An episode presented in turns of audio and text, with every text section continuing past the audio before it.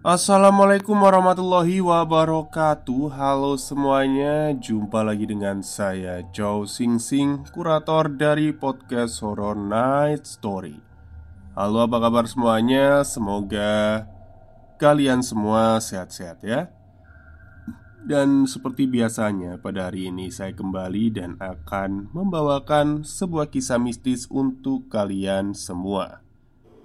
Kisah mistis kali ini saya datangkan dari treat horornya Mbak Sari Fitri 86 Yang menceritakan kisah nyata tentang seorang perempuan.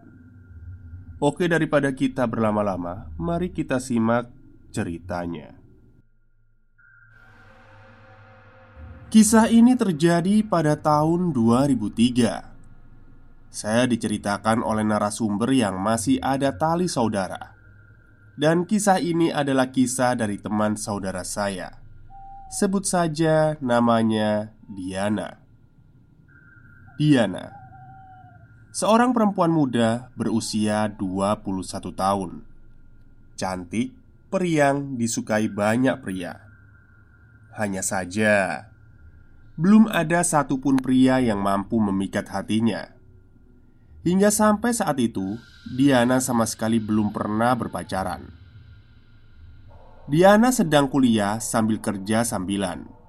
Kuliah S1 di salah satu universitas ternama dan bekerja di perusahaan kecil milik orang tuanya. Suatu saat, kantor Diana mempunyai karyawan baru bernama Bagas, dan di sinilah kisahnya bermula. Bagas, seorang pria pemuda yang tampan juga ramah. Berasal dari keluarga baik-baik. Dari awal bertemu Diana Bagas sudah menaruh hati. Hingga berbagai cara dia lakukan untuk memikat hati Diana. Awalnya, Diana sulit ditaklukkan Tapi karena kegigihan Bagas Akhirnya Diana menerima Bagas sebagai kekasihnya. Pucuk dicinta, ulam pun tiba. Keluarga Diana pun merestui hubungan mereka. Selain karena Bagas berprestasi dalam pekerjaan, karena Bagas juga pintar mengambil hati orang tua Diana. Hubungan mereka sudah berjalan satu tahun saat Bagas melamar Diana. Diana dan keluarganya bahagia. Sudah pasti menerima lamaran Bagas. Tidak ada keanehan sampai tiba satu bulan sebelum pernikahan mereka. Bagas tiba-tiba saja menghilang. Bagas bolos pergi ke kantor selama seminggu. Telepon dan SMS tidak diindahkan. Bahkan Bagas pun tidak pulang ke rumahnya Hingga bukan hanya Diana dan keluarganya saja yang kebingungan. Keluarga Bagas pun mencari Bagas Tapi tidak juga mendapat kabar. Diana kalut. Dia mulai stres. Bukan hanya karena Bagas hilang Tapi karena Diana sedang mengandung anak Bagas. Ya Kandungannya sudah memasuki minggu keempat saat memasuki dua minggu sebelum hari pernikahan, keluarga Bagas memberi kabar baik. Bagas pulang. Diana segera pergi ke rumah Bagas. Banyak pertanyaan yang harus Bagas jawab. Saat Diana sampai di rumah Bagas, Bagas hanya diam. Wajah Bagas pucat pasi, pandangannya kosong. Diana sampai tidak tega melihat kondisi Bagas. Tapi Diana harus mendapatkan jawaban Setidaknya untuk kepastian pernikahan mereka. Bagas menjawab liri Kita tetap menikah ya sayang? Jawaban Bagas membuat Diana lega. Hanya saja orang tua Diana saat itu ragu Karena melihat kondisi Bagas. Tetapi Diana memaksa karena kehamilannya yang tidak diketahui oleh orang tua kedua belah pihak. Bagi orang tua Diana, tidak menjadi masalah jika pernikahan dimundurkan. Toh, pernikahan bukan untuk main-main. Tapi karena Diana memaksa, akhirnya Hamin satu disebarlah undangan pernikahan mereka. Hari pernikahan pun tiba. Pesta pernikahan digelar di rumah Diana. Semua sudah siap, termasuk pengantin wanita yang pagi hari itu terlihat sangat cantik. Akad nikah yang seharusnya dilangsungkan pukul 8 pagi Tapi saat itu Pukul 8 lebih 10 menit Bagas belum juga datang Mungkin terkendala sesuatu pikir Diana Karena selama seminggu ini Dia dan Bagas baik-baik saja seperti dulu Sebelum Bagas menghilang Pukul 9 Bagas masih juga belum datang. Orang tua Diana sudah sangat cemas. Diana mencoba menghubungi berkali-kali, tapi tidak ada jawaban. Diana menahan tangis mendengar celetukan-celetukan saudaranya. "Apa aku bilang? Kemarin hilang saja, belum tahu ke mana. Berani dia lanjutkan pernikahan." Akhirnya, Kabar datang dari adik Bagas pada pukul 9.30 Bahwa Bagas kembali menghilang pada pagi sebelum acara Dan dia meninggalkan sebuah surat untuk Diana Keluarga sudah mencari ke mana-mana Tapi Bagas hilang tanpa jejak Diana shock setelah membaca surat itu Histeris menangis sejadi-jadinya. Diana masuk ke kamar pengantin dan mengacak-ngacak isinya. Bunga, kelambu, piring, guci dia hancurkan. Diana mengunci diri di dalam kamar. Tidak punya muka di hadapan saudara, kerabat, teman, dan tamu undangan. Apa yang membuat Diana histeris? Ternyata Isi surat itu adalah Diana sayangku Aku minta maaf kepadamu sebesar-besarnya Aku tidak punya muka untuk menikahimu Karena aku pun takut kehilangan nyawaku Diana Aku pergi untuk menikahi seorang wanita yang mengandung anakku Dan karena dialah aku menghilang Keluarga perempuan yang kuhamili mengancam akan membunuhku jika aku tidak menikahinya. Maafkan aku, Diana. Aku tahu kamu pun mengandung anakku, tapi aku sudah terlalu takut dan malu. Maafkan aku, Diana. Aku mohon, maafkan aku. Diana hancur, tidak berhenti menangis, hingga keluarganya pun cemas. Sampai sore tiba, Diana masih belum mau membuka pintu kamarnya. Tapi sayup-sayup suara tangisannya sudah tidak terdengar. Mungkin Diana kecapean dan tertidur, pikir keluarganya. Kondisi ibunda Diana pun tidak kalah hancurnya. Setelah seharian menangisi nasib anaknya, ibundanya tertidur dan bermimpi di mimpinya ia bertemu dengan Diana yang sedang menangis dan bersimpuh di kakinya. Diana meminta maaf kepada ibundanya dan mengucapkan salam perpisahan. "Bu, Diana berdosa. Diana salah. Maafkan Diana ya, Bu. Diana pamit." Sontak, ibunda terbangun dari tidurnya Dilihatnya sudah pukul 8 malam Perasaan ibundanya tak enak dan tak karuan Akhirnya dia memutuskan untuk mendobrak kamar Diana Diana Terkapar bersimbah darah Di atas ranjang pengantinnya. Darah mengalir dari nadi kedua tangannya Memenuhi kebaya pengantin putihnya. Kelopak bunga melati bernoda darah Bertaburan di sekitar jasad Diana. Diana mengakhiri hidupnya dengan memotong nadinya sendiri. Pemakaman Diana segera dilaksanakan keesokan harinya. Akhirnya, keluarga tahu bahwa Diana hamil. Demi menutupi penyebab kematian dan kehamilan Diana, keluarga buru-buru memakamkan siang itu juga. Tapi gosip sudah santer beredar. Pada saat pemakaman, ayah Diana salah satu yang bertugas menurunkan jasad Diana. Sebelum makam itu ditutup oleh tanah, Ayah Diana berbisik di telinga Diana. Balaskan sakit hatimu nak. Balaskan dendammu. Kejar ke mana pun Bagas pergi. Seraya Bapak Diana mengambil tali pocong anaknya.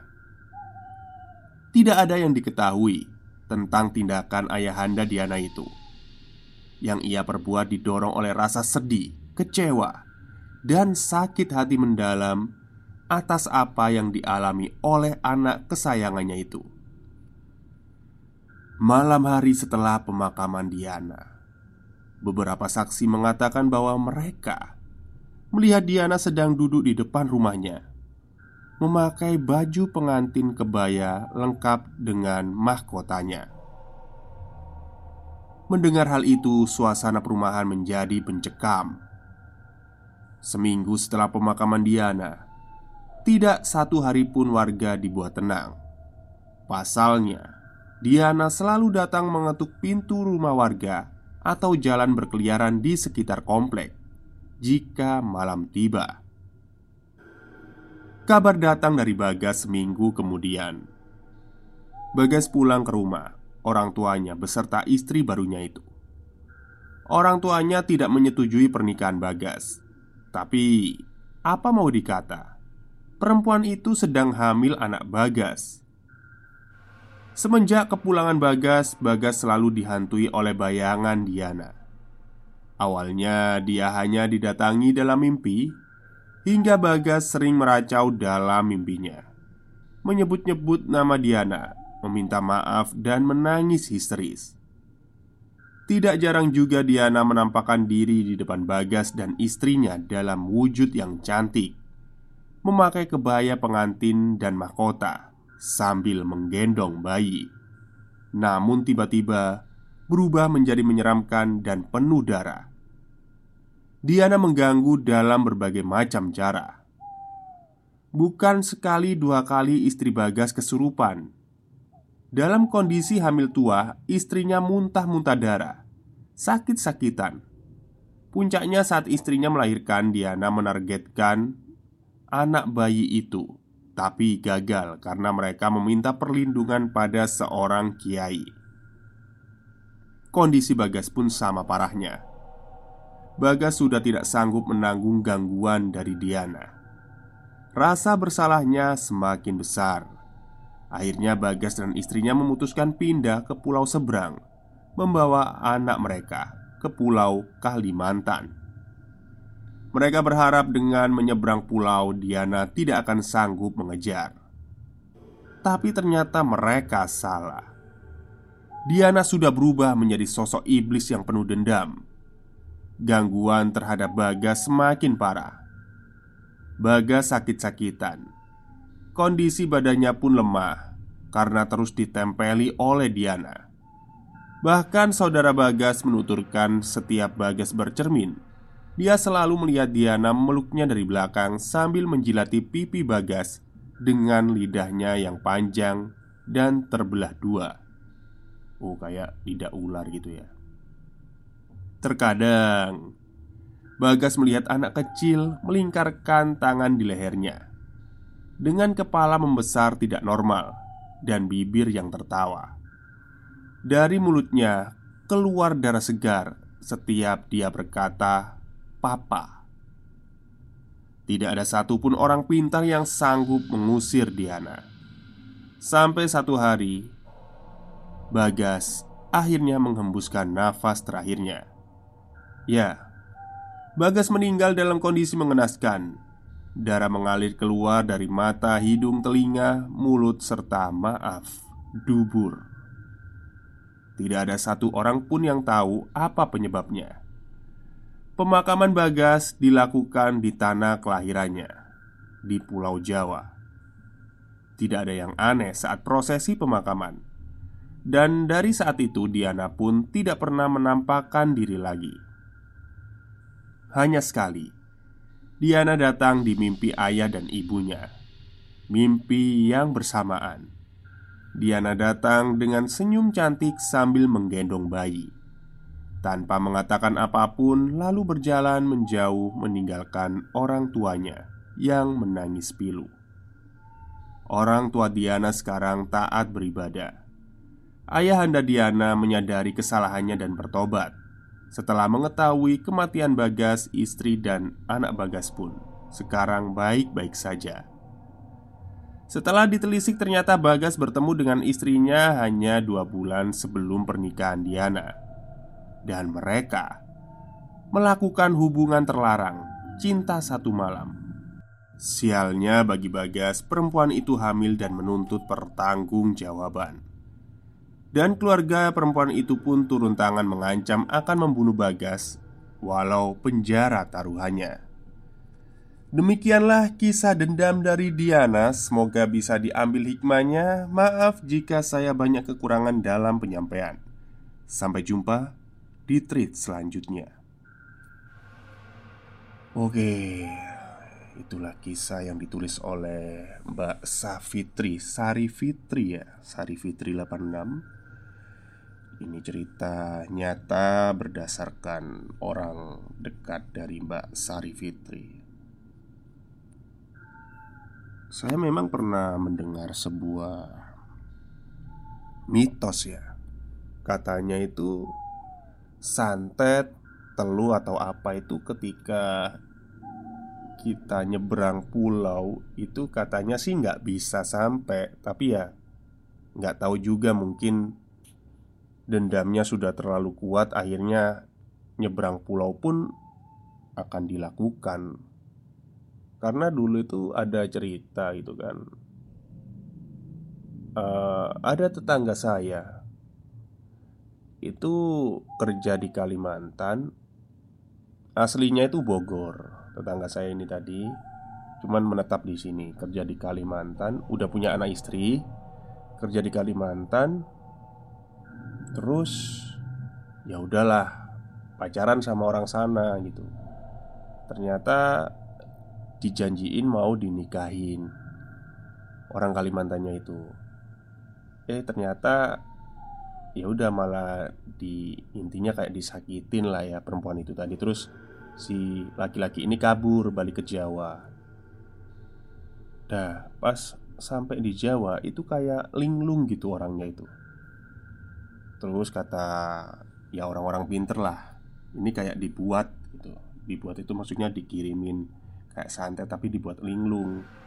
Masih untung ini dibuat linglung. Coba kalau dia nginjakan kaki di Kalimantan ya udah mati mungkin kayak gitu katanya. Dan pesan saya untuk cerita hari ini ya.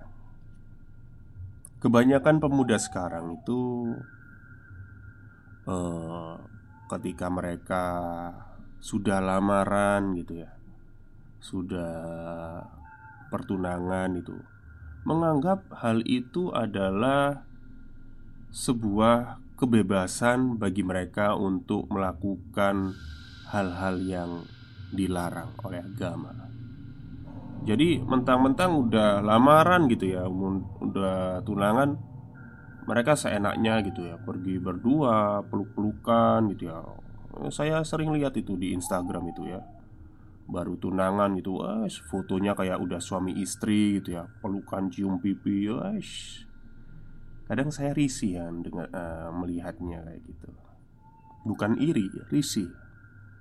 Dan akhirnya kan karena ya namanya manusia ya kayak gitu itu kan nggak menutup kemungkinan mereka pasti melakukan hal yang lebih jauh gitu. Ya udah itu tadi berhubungan badan itu tadi. Akhirnya yang dirugikan siapa? Ya jelas wanita dong. Ya toh. Kasihan pada pada akhirnya dia menanggung malu gitu ya kalau jadi gitu ya dinikahi Kalau nggak jadi gimana gitu kan Ya walaupun Walaupun jadi dinikahi ya tetap nggak boleh ngelakuin hal itu Ngelakuin hal itu kan kalau udah ijab kobul gitu Ya semoga kita semua yang di sini dijauhkan dari hal-hal seperti itu. Bagi kalian yang uh, bapak ibu ya punya anak, anaknya sudah gede, udah mungkin ada yang udah lamaran atau tunangan, diawasin lah. Jangan sampai melakukan hal yang tercela kayak gitu. Soalnya hal-hal kayak gitu tuh bagi para pemuda sekarang itu dianggap wajar. Padahal nggak wajar ya. Terus bagi kalian yang masih usia ya Kalau 20-an ke atas Yang udah lamaran pernikahan ya di hati-hati juga. Apalagi perempuan ya Kalau ketemu pasangannya ya jaga jarak lah Jangan terlalu intim. Karena itu juga merugiin kalian gitu Oke mungkin itu saja cerita untuk hari ini Kurang lebihnya saya mohon maaf. Wassalamualaikum warahmatullahi wabarakatuh.